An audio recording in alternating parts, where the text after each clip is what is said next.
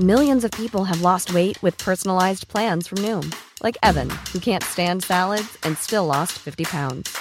Salads, generally, for most people, are the easy button, right? For me, that wasn't an option. I never really was a salad guy. That's just not who I am. But Noom worked for me. Get your personalized plan today at Noom.com. Real Noom user compensated to provide their story. In four weeks, the typical Noom user can expect to lose one to two pounds per week. Individual results may vary.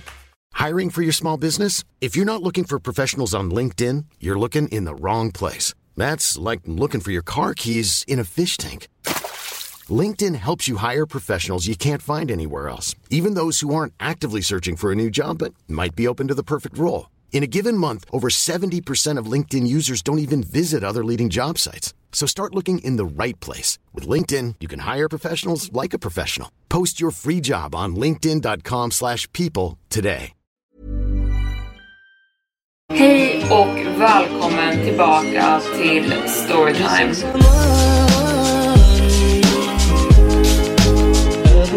Varmt välkomna ska ni vara tillbaka till Storytime-podden med mig, Evelin Blomfelt. Dagens avsnitt handlar om att åka bil, både som en taxichaufför och som en medpassagerare. Vi ska sätta igång, men glöm inte bort att slå på notiser på podden så att ni får upp en notis varje gång podden laddas upp, vilket är på söndagar. Men nu börjar dagens avsnitt. Jag är en taxichaufför och förra natten hade jag en passagerare jag aldrig kommer glömma bort. Vi alla är fördömda och vi kan inte ens se det. Våra ögon ljuger för oss. Jag har alltid varit ganska stöddig och tänkt att jag och min taxibil kan alla gator utan till i Berlin. Du kan inte ens börja att föreställa dig skräckupplevelserna jag har varit med om och bevittnat under nätterna. Ni förstår, människor visar mycket mindre hämningar så fort det är mörkt ute och ibland visar de till och med sin riktiga identitet. Trots det kunde inte mina 15 år av erfarenhet har förberett mig för den här natten.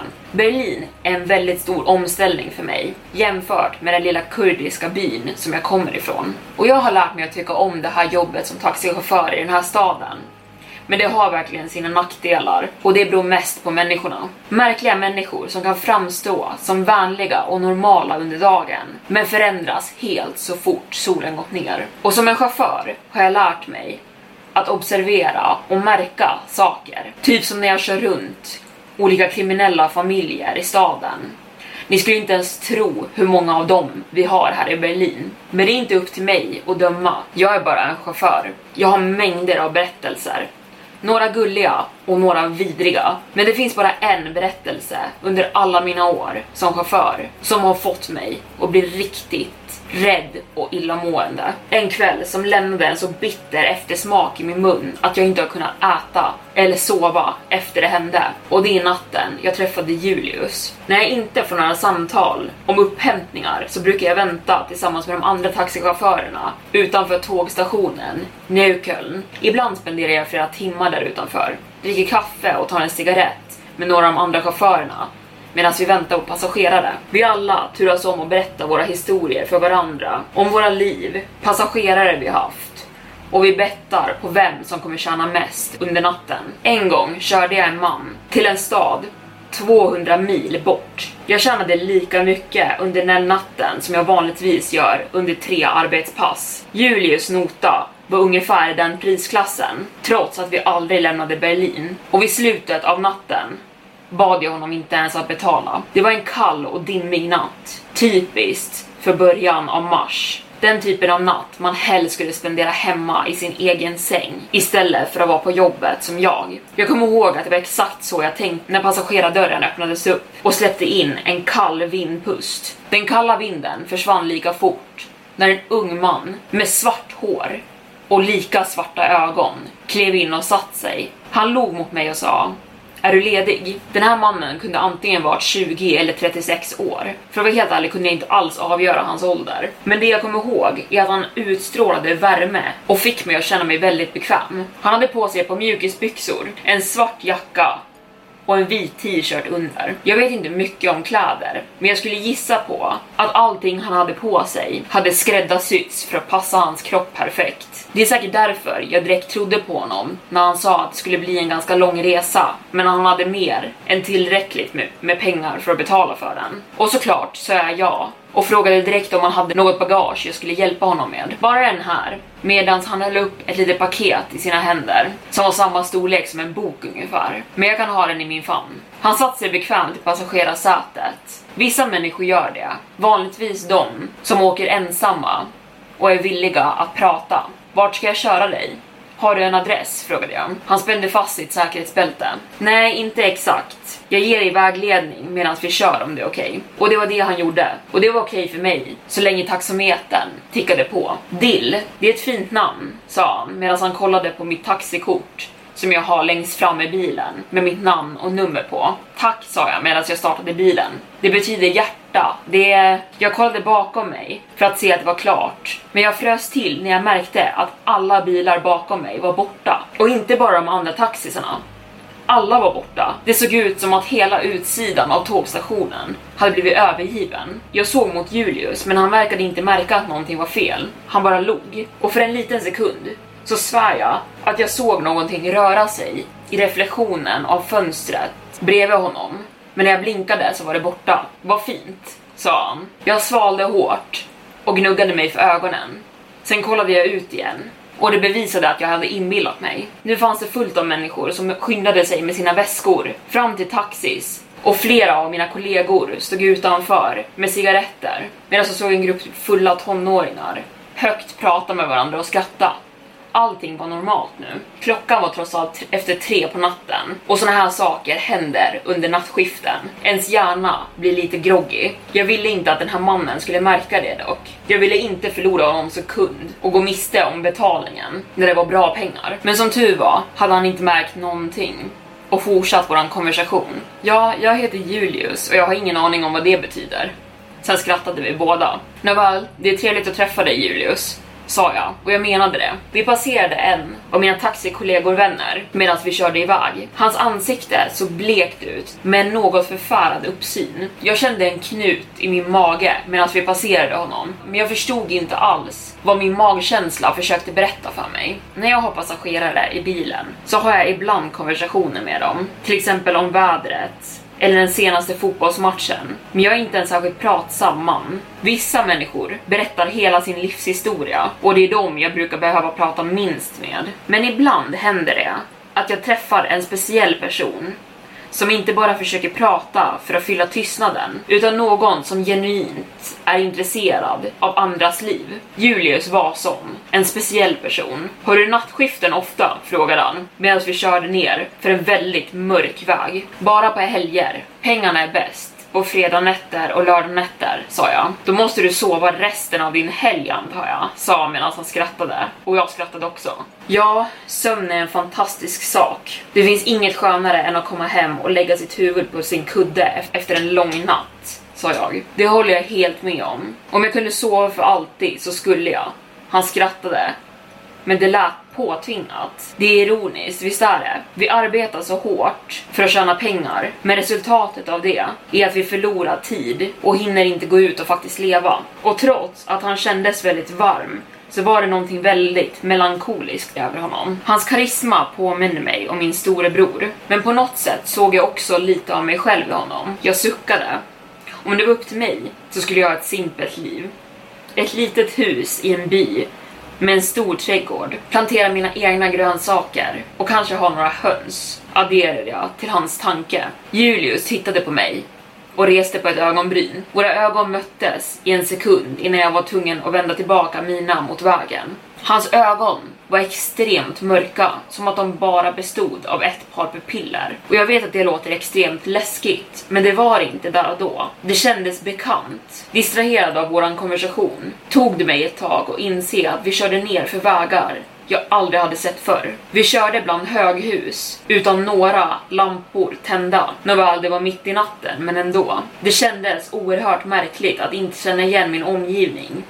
Jag är en taxichaufför. Det känns alltid som jag kan hela den här staden. Nå, någonting måste ju ha hänt. längs vägen för att du och din familj skulle ha slutat upp i en av de största städerna i Tyskland, sa Julius och avbröt mina tankar. Jag skrattade. Jag är här för min familj. Billivet, inte för dem. Och förvånade nästan mig själv.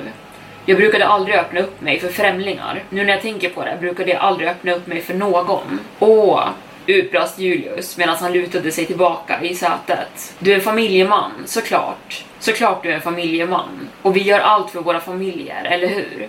Sättet han sa de orden på kändes konstigt en stund, men jag ignorerade känslan. Alltid.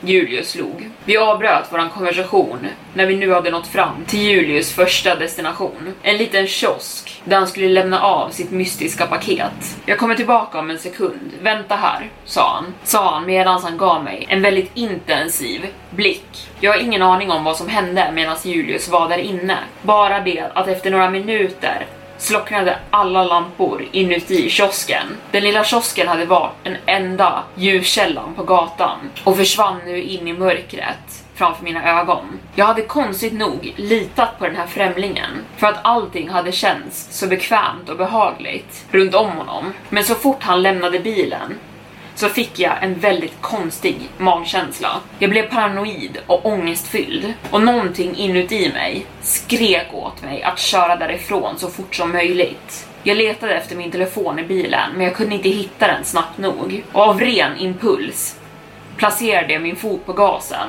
och var redo att trycka den i mattan och köra härifrån. Men innan jag hann göra det öppnades bildörren igen. Den här gången till baksätet. Julius hoppade in i bilen med samma vänliga leende tillsammans med de där bekanta mörka ögonen. Istället för att sitta bredvid mig hade han nu placerat sig bakom mig. Vart åker vi nu min vän? Frågade jag nervöst och hoppades att han inte insåg att jag just var på väg att köra därifrån. Jag vet inte varför jag inte bara bad honom dra därifrån där och då. För någon anledning kunde jag inte hitta modet att göra det. Jag är glad att du kallade mig det. Jag skulle vilja att vi var vänner, Dill. Han drog ett djupt andetag. Följ bara gatan jag började köra och följde gatan som min passagerare instruerade mig. Och till slut började det kännas som att jag kände igen området igen. Vi var tillbaka i Neukölln. Dill min vän, låt oss gå tillbaka till konversationen om din familj. Kommer du överens med din son? Jag var tyst en stund. Vi brukade vara närmare varandra. Tonåringar är inte alltid så enkla att kommunicera med, sa jag och skrattade. Åja, tonåringar. Saker är mycket bättre med din dotter antar jag. Vi körde igenom ett tyst och ödsligt område igen med väldigt få tända lampor och jag var tvungen att fokusera mitt bästa på vägen. Jag brukade göra det. Min dotter, Novell, hon är en underbar unge men hon är också lite off på senaste. Inte riktigt sig själv. Det har väl med tonåren att göra det också antar jag. Jag slutade tala. Vi hade kört runt och pratat så länge att det tog mig en stund att inse vad det var som för sig gick. Jag hade aldrig talat om för honom att jag hade varken en dotter eller en son. Åh ja, hon är mer distant. Låser in sig på sitt rum, äter knappt mat längre. Det är tråkigt. Men du älskar honom fortfarande, eller hur? sa han. Jag började känna mig oerhört nervös. Jag hade gjort ett stort misstag med att lita på den här mannen med mina tankar och känslor under kvällen. Någonting var definitivt fel. Jag var tvungen att låtsas som att allt var bra. Jag visste inte vad hans intentioner var. Ja, såklart jag älskar min familj. Det gör vi väl alla, sa jag nervöst. Nej, det gör du inte. Jag blev förvånad över den plötsliga förändringen i hans ton. Jag såg i backspegeln och vi fick ögonkontakt. Men Julius, mannen jag kört runt med hela natten, var borta. Jag såg in i ansiktet på en varelse jag aldrig hade sett förr. Hans ögon, som hade varit så vänliga tidigare, såg helt fel ut nu. Som att någon hade kört in en skruvmejsel i dem och det bara var ögonhålor kvar och en gapande tomhet. Det fanns hål i hans ansikte som fick det att se ut som att det var förruttnat. Förfärad över det här helt förvrängda ansiktet glömde jag att se på gatan i en stund och höll nästan på att krascha in i en parkerad bil. Jag hann väja undan precis i tid och försökte samla mod till mig. Mitt hjärta slog så hårt så jag trodde att det skulle hoppa ut ur min bröstkorg då. Det var sent på natten och jag hade inte sovit. Jag hade inte druckit vatten på flera timmar. Jag hallucinerade, intalade jag mig själv. Och det tog mig en bra stund innan jag vågade se i backspegeln igen. Är någonting fel min vän? sa han och skrattade till. Jag såg då i backspegeln och möttes av samma Julius sen tidigare och han såg normal ut nu och han log stort mot mig. Ja, förlåt. Lång, lång natt. Sakta försökte jag samla mig igen. Vad gjorde du inuti kiosken? Frågade jag till slut, förvånad över mitt nyfunna mod. Oavsett om det där ansiktet hade varit en hallucination eller inte så visste han fortfarande saker om mina barn som han inte borde vetat. Han verkade så intresserad av mitt liv tidigare och i verkligheten försökte han inte få någon information om mig överhuvudtaget. Han visste redan allting. Vad ville den här mannen mig? Jag behövde bli av med honom på ett smidigt sätt. Så jag bestämde mig för att jag skulle börja köra mot min brors hus. Min bror, nåja, han är en ganska skrämmande man med mycket respekt. Och han flyr aldrig från en fight. Om Julius faktiskt var farlig så skulle han veta vad vi skulle göra. Julius ögon var stängda. Jag tänkte för en stund att han kanske hade somnat. Så jag bytte snabbt riktning. Jag försökte var självsäker i min rörelse, men hela min kropp skakade. Och precis som att han läste mina tankar öppnade Julius upp sina ögon och jag insåg att jag hade gjort ett misstag. Försök inte vara smart, Dill, sa han helt plötsligt i en låg ton. Jag grep hårt om ratten tills det såg ut som att mina händer skulle spricka. Jag vet vart du är på väg. Gör inte. Jag har inget intresse av att träffa din bror ikväll. Hur vet du? viskade jag. Jag vet att du såg mig. I spegeln. Du skrek inte och jag gillar det. Det känns som att jag kan vara mig själv runt dig, sa han och flinade. Mina ögon gick tillbaka till backspegeln. Inget av det hade varit hallucinationer. Och jag vet inte hur jag ska beskriva det, men jag visste nu att den där saken inte var mänsklig. Den How would you like to look five years younger? In a clinical study, people that had volume added with Juvederm Voluma XC in the cheeks perceived themselves as looking five years younger at six months after treatment. Look younger, feel like you. Add volume for lift and contour in the cheeks with Juvederm Voluma XC. Reverse signs of aging by adding volume to smooth laugh lines with Juvederm Volure XC. For important safety information and to find a licensed specialist, visit juvederm.com. That's J U V E D E R M.com. Not for people with severe allergic reactions, allergies to lidocaine, or the proteins used in Juvederm. Common side effects include injection site redness, swelling, pain, tenderness, firmness, lumps, bumps, bruising, discoloration, or itching. There's a risk of unintentional injection into a blood vessel, which can cause vision abnormalities, blindness, stroke, temporary scabs, or scarring. Talk to a licensed specialist to find out if it's right for you. Hiring for your small business? If you're not looking for professionals on LinkedIn, you're looking in the wrong place. That's like looking for your car keys in a fish tank. LinkedIn helps you hire professionals you can't find anywhere else, even those who aren't actively searching for a new job but might be open to the perfect role. In a given month, over 70% of LinkedIn users don't even visit other leading job sites. So start looking in the right place. With LinkedIn, you can hire professionals like a professional. Post your free job on linkedin.com slash people today. Millions of people have lost weight with personalized plans from Noom. Like Evan, who can't stand salads and still lost 50 pounds. Salads, generally, for most people, are the easy button, right? For me, that wasn't an option. I never really was a salad guy. That's just not who I am. But Noom worked for me. Get your personalized plan today at Noom.com. Real Noom user compensated to provide their story. In four weeks, the typical Noom user can expect to lose one to two pounds per week. Individual results may vary. Hey, it's Ryan Reynolds, and I'm here with Keith, co star of my upcoming film, If, only in theaters, May 17th. Do you want to tell people the big news? All right, I'll do it. Sign up now and you'll get unlimited for $15 a month in six months of Paramount Plus Essential Plan on us. Mintmobile.com slash switch. Upfront payment of $45 equivalent to $15 per month. Unlimited over 40 gigabytes per month. Face lower speeds. Videos at 480p. Active Mint customers by 531.24 get six months of Paramount Plus Essential Plan. Auto renews after six months. Offer ends May 31st, 2024. Separate Paramount Plus registration required. Terms and conditions apply if rated PG. Gömde sig under ett mänskligt skinn. Jag kommer vara ärlig, jag tycker verkligen om ditt sällskap. Den här natten handlade inte om att lämna det där paketet. Det var någonting jag bara behövde göra ändå. Men ikväll vill jag lära känna dig. En miljon olika tankar rusade igenom mitt huvud. Men allt jag kunde säga var, varför mig? Han skrattade igen. Och snälla var inte orolig, min vän. Jag kan känna hela den här bilen skaka vid det här laget. Jag är inte här för att skada dig. Det här handlar om din familj. Den är korrupt. Jag kunde känna lukten av det från flera mils avstånd. Jag svalde. Om du inte tänker skada mig, vad vill du mig? Julius log mot mig i backspegeln och han blottade nu ett sätt av förruttnade tänder. Att vara det jag är, det är ensamt. Och faktumet att din familj är korrupt är inte en dålig sak. Du kanske skulle kunna introducera mig till dem någon gång. Vi var nu på en helt tom väg. Det fanns inga människor runt om oss.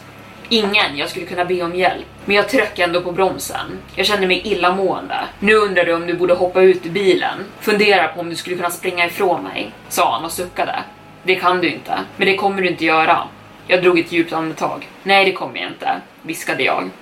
För att du älskar din familj. Jag nickade. Och för att du har märkt och för att du har sett glimtar ibland av att din dotter börjar se ut som mig. Han log igen och jag satt som fastfrusen. Du kanske borde kolla hennes spegelbild, min vän. Nästa berättelse. Främlingen kommer bara på natten. Han kommer bara till vissa specifika människor. De som känner sig fast i livet. Oförmögna att befria sig själva från plågorna av vardagen. De som är trötta på pendlandet, mötena, otrevliga kunder, partners, barn eller att vara fast hemma. Trötta människor. Desperata människor. Människor som jag. Försök inte att kontakta honom eller att leta upp honom. Han vet när det är dags. Och det vet du också. Gör dig klar kvällen före. Säg att du ska iväg på en affärsresa eller på en semester. Eller ännu bättre, säg inte till någon. Du kommer att försvinna. Lämna dina bankkort, din handväska, din plånbok. Allt som kan spåras tillbaka till dig. På ett bord. Tillsammans med en lapp och skriv borta kommer inte tillbaka. När alla andra är hemma och sover. När du är helt själv. Sätt dig vid ytterdörren och vänta. Han kommer på natten. Men jag menar inte så här 8-10 på kvällen. Eller midnatt. Han är inte Askungens gudmor. Och hur många konstiga ljud du hör där ute. Eller hur många andra bilar som passerar. Som varnar dig att gå och lägga dig igen. Gör det inte. Det här är din enda chans. Har du någonsin sett en dyster själ sitta i en bar ensam eller en kollega i lunchrummet som gör detsamma. Antingen är de på väg att träffa främlingen eller så har de missat sin chans. Några vägrade och tror att de har undkommit någonting. Men nästa gång deras barn får ett till sammanbrott på en restaurang eller din favoritserie på Netflix blir inställd så kommer de inte bara vara besvikna. En del av dem kommer dö inombords. De kommer undra vad som kunde ha varit, vart de kunde åkt istället. Så vänta medan månen reser sig över himlen och fortsätter sin kurs över natten. Vänta medan trafiklysen ändrar från grönt till rött och sen tillbaka igen. Vänta medan ditt nuvarande liv, hårt och färglös, börjar tunna ut. Vänta till klockan tre på natten den riktiga vargtimmen. Han kommer dyka upp precis i tid. Och hur ljusa gatlyktorna än är och hur bra du än är på att identifiera bilar och bilmodeller så kommer du inte kunna avgöra vilken som är hans bil eftersom att den ser ut som vilken bil som helst. Det enda som urskiljer den är att den är svartare än natten, svartare än asfalten, än himlen. Slut dina ögon mot det plötsliga ljusskenet från hans billyktor, eller om du vågar, Håll dem öppna. Du kommer tro att hela världen har blivit knallröd. Röd som djupet av helvetet. Du kommer se siluetter av dem du älskar och dem du hatar, till och med dem du har glömt bort. Och i en sekund kommer du se den sista platsen du någonsin kommer besöka, trots att du inte kommer förstå det då. Främlingen kommer lämna bilen, stänga igen bildörren med ett klick och sen närma sig dig. Om du väntar inomhus kommer han skrapa sina naglar på glaset av ytterdörren och sen göra en dov knackning på ytterdörren. Hans fingrar kommer lämna ifrån sig frost på glasrutan. Om du väntar ute så kommer du se hur hans fotsteg lämnar ifrån sig frost på marken. Trots att det kan vara mitt i sommaren. Öppna din dörr, gå ut och lås den. Och om du är ute, se till så att den är låst ändå. Synen av din besökare kan göra dig obekväm. Man kan bara avgöra hans siluett. En lång man i en hatt och en mörk rock. Men du kommer se att han är lika verklig som du och jag. Han kommer sträcka ut sin hand, ta den. Den kommer vara förvånansvärt varm. Han kommer leda dig till en av bildörrarna. Om du är en vanlig passagerare så får du åka i baksätet. Men om man gillar dig och om du har längtat efter den här resan hela ditt liv kommer du få åka i passagerarsätet. Bilens insida är bekväm och mysig, precis som att du skulle krypa ner under en varm filt. Minnen från enklare tider kommer slå dig. Från en tid när du inte hade räkningar eller ansvar. Minnen från när man inte hade en hyresvärd som kom och bankade på ens dörr. Du kommer känna dig helt trygg. Och trots att bilen verkar helt vanlig till storleken så finns det en minibar i baksätet. Precis som i en limousin. Du kommer tro att du sitter i en med tanke på att lädersätet i bak är så pass brett att du kan glida från den ena sidan till den andra. Gör inte det här för mycket, för främlingen kommer stanna bilen och tvinga ut dig och lämna dig på vägkanten. Det vill du inte. Inte dit du är på väg. Istället, ta en av dryckerna i minikylen. Alla dina favoritdrycker kommer finnas där, både alkoholhaltiga och vanliga. Du kommer få syn på den lilla vodkaflaskan, oavsett vilket märke du föredrar.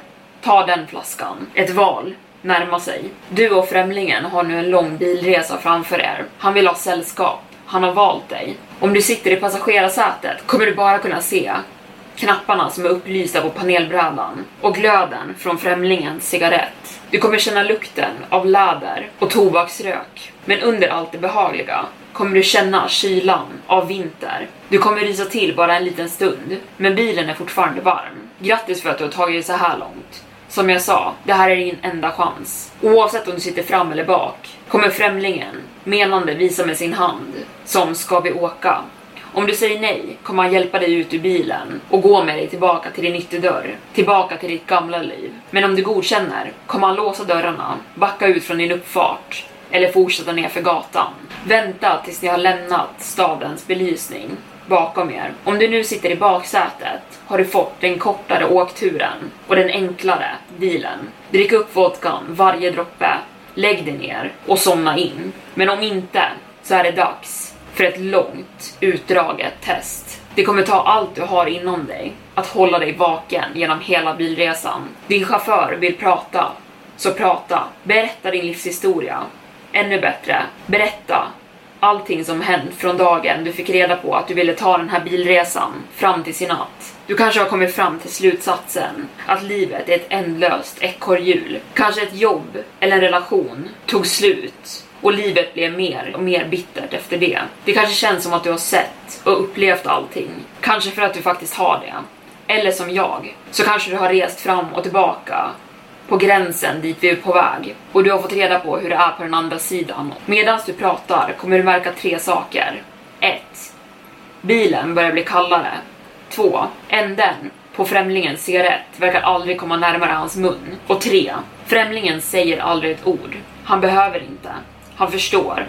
Han kommer ihåg. Håll koll på vägskyltarna om du kan. De första kommer representera nyliga minnen och upplevelser i ditt liv. Lägenhet, gatan du bott på, arbetsplats, restaurangen där du och din partner hade er första dejt. Du kan be främlingen stanna vid vilken av de här platserna som helst. Och han kommer lyda. Men varför skulle du göra det? Du vågade inte kliva in i bilen för att ta den här resan, bara för att fega ur nu direkt. Ta en till sipp av vodkan om du behöver. Främlingen dömer dig inte. Han är här för att ta dig vidare. De nästkommande åtta skyltarna representerar platser från ditt tidiga vuxenliv. Ditt universitet eller högskola om du gick på en sådan. Den första arbetsplatsen du började på efter att du tagit studenten. Barerna och klubbarna som du frekvent besökt farmen som du extra jobbade på i flera somrar i rad.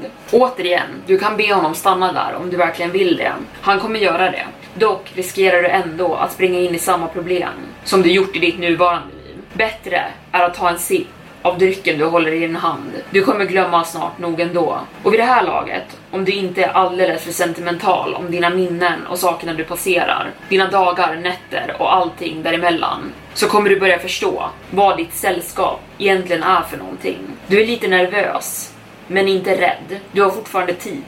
All tid i världen. Vid laget du når skylt 10 kommer du börja rysa du kommer dra på dig jackan tätare om dig om du har den med dig. Du kommer be främlingen att höja värmen, men han kan inte. Bilen har ingen AC. Du kan kolla ut i fönstret och se den mörka himlen ovanför dig. Drick inte upp vodkan alldeles för fort. Det är en miniflaska. Ta minisippar. Du kommer behöva den senare. Skyltarna 11 till 19 Du gissade det. Ställen från din barndom. Fulla av ballonger, mobbare, sockervadd och karuseller. Födelsedagspresenter, husdjur. Ställen du hittade kärlek, skrattade och skapade minnen på. Och om du har tur, eller ingenting förutom mörker och smärta om du inte hade det. Många passagerare gör misstaget av att avsluta vodkan redan här. Och tro mig, de kommer ångra sig. Om du kliver av bilen här i en enklare tid och tror att du kommer göra annorlunda val som kommer leda till andra resultat, så varnar jag dig. Resultaten kan bli värre än de du fick tidigare. Tro mig, jag föredrar mig själv på det här sättet. Formad av motgångar. Skylt nummer 20 är den första du inte kommer känna igen, men den säger dig någonting du inte vill glömma. Limen, inte som citron på engelska. Limen, det latinska ordet för väggräns. Människor får panik här. Stanna, stanna, kommer de skrika ut. Stanna bilen. Jag vill börja om. Och när främlingen då stannar bilen och släpper ut dem, kommer de här människorna födas på nytt i ny livmoder och leva ett nytt liv från början. Om det blir samma livmoder som deras nuvarande mamma eller en annan, är delvis deras val. Men om det blir en ny så är det inte garanterat att det blir någon biljonär eller kändismamma. Precis som tidigare är det slumpen, eller Gud, eller ödet. Vi gillar att tro att vi bestämmer vårt öde, men livet fungerar inte på det sättet. Antingen slåss du för allting du får i livet, eller så har du tur och födas med fördelar. Som till exempel jag, med min dåliga koordination, skulle aldrig kunnat bli en ballerina eller tennisproffs. Kommer du välja att stanna kvar i bilen när ni åker förbi den här vägskylten så kan du strunta i vägskyltarna som kommer efter och läs dem inte alldeles för noga, jag varnar dig. Försök hålla dig vaken. Samtidigt kommer det börja bli kallare och kallare.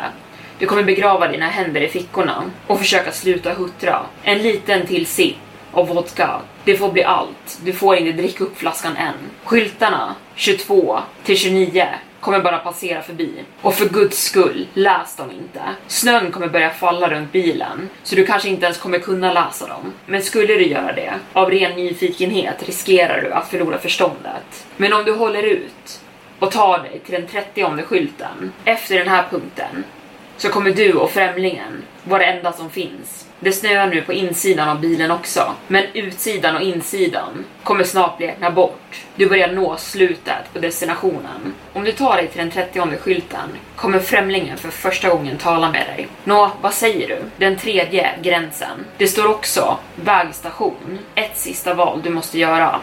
Om du säger ja, som jag gjorde, kommer han göra dig till en slags hyresvärd. Du kommer få välkomna de trötta, slitna resenärerna som somnade under resan. De som inte orkade ta sig ända till slutet. Det kommer vara en lägenhetsbyggnad, så att säga, där du kommer ha dem som gäster, höra deras bekännelser och hjälpa dem städa sina rum rena från de fel de gjort i sitt liv, deras synder och de svåra sakerna de gått igenom. Och till slut kommer du hjälpa dem ta sig vidare till ett bättre ställe. Men om du säger nej däremot, och jag ber att du inte gör det, kommer du komma till vägstationen som jag nämnde. Din kropp kommer där frysa till is och sakta börja ramla av ditt skelett. Tills det inte finns någonting kvar av dig förutom din själ. Där kommer du vägas, om du väger mer än en fjäder, kommer du vakna från den här mardrömmen och finna dig själv tillbaka i samma liv som du trodde du kommit ifrån. Du kommer fortsätta leva precis som du gjorde, aldrig veta varför du misslyckades med resan. Du kommer kliva upp, gå till jobbet, komma hem, gå och lägga dig, kliva upp, gå till jobbet, komma hem, gå och lägga dig om och om igen, precis som före. För att du ljög för din chaufför och trodde att du kunde lura honom så kommer du aldrig finna ro. Om du väger mindre än en fjäder så har du passerat det sista testet, men du fryser fortfarande däremot. Du kommer då bli tilldelad en lång rock och en hatt. De kommer hålla dig varma, precis som du trodde att de skulle göra. Du kommer bli tilldelad en ny bil. Den säkraste, men farligaste platsen som finns. Du kommer nu veta allt och komma ihåg allt. Ingenting mer kommer någonsin kunna tas från dig, min kära främling. Du har nu blivit döden. Och där stänger jag igen Storytime-boken för denna gång. Jag hoppas ni har tyckt om dagens avsnitt. Vi hörs igen på söndag. Kan man inte få nog av Storytime så finns det fler avsnitt uppe på min Youtube-kanal som heter Evelin Blomfelt. Men om man föredrar poddformatet så är jag tillbaka på söndag. Tack för att ni har lyssnat idag. Even when we're on a budget we still deserve nice things. Quince is a place to scoop up stunning high-end goods for 50 to 80% less than similar brands. They have buttery soft cashmere sweaters starting at $50, luxurious Italian leather bags, and so much more. Plus, Quince only works with factories that use safe, ethical, and responsible manufacturing. Get the high-end goods you'll love without the high price tag with Quince. Go to quince.com/style for free shipping and 365-day returns.